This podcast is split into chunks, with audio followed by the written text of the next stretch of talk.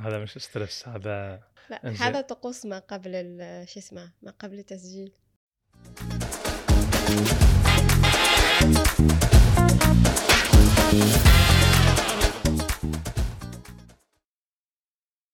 هلا وسهلا رشيد إيش حالك؟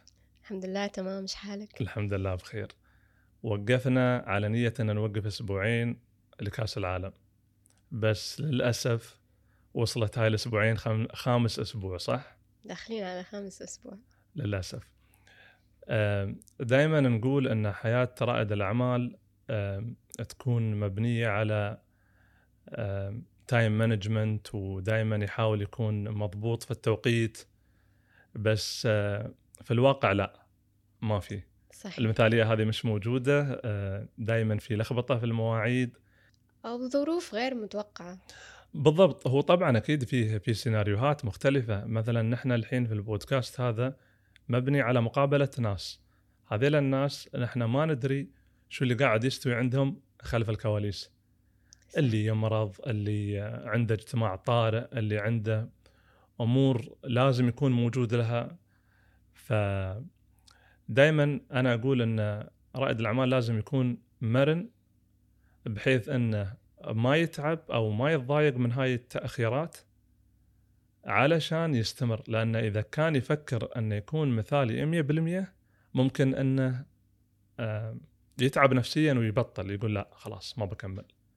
صحيح. أهم شيء إنه الإنسان ما يوقف. صح صح. نحن إن شاء الله مستمرين إلى أبعد مدى.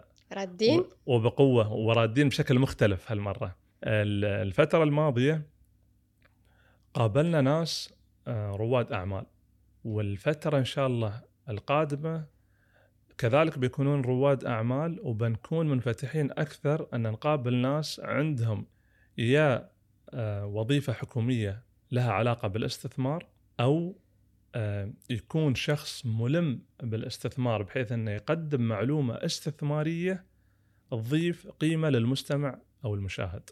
هالمرة المستمع للأسف ما في مشاهد ما في فيديو بس المرات الجاية إن شاء الله أكيد بتكون فيديو.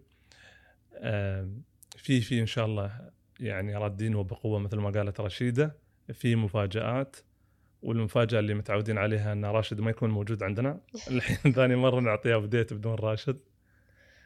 آه، بس إن شاء الله بعد المرات اللي بيكون راشد موجود. راشد مشغول في مصنع وعنده ستين ألف شغلة. الله يعينه بس. زين أنا قلت الجديد. أنت شو الجديد عندك؟ انت ما ولا خليت. خذت خذت كل شيء. خليت كل شيء ما خليت شيء. لا توقفون ورادين إن شاء الله الثلاثاء. كل ساعة. الساعة أربعة.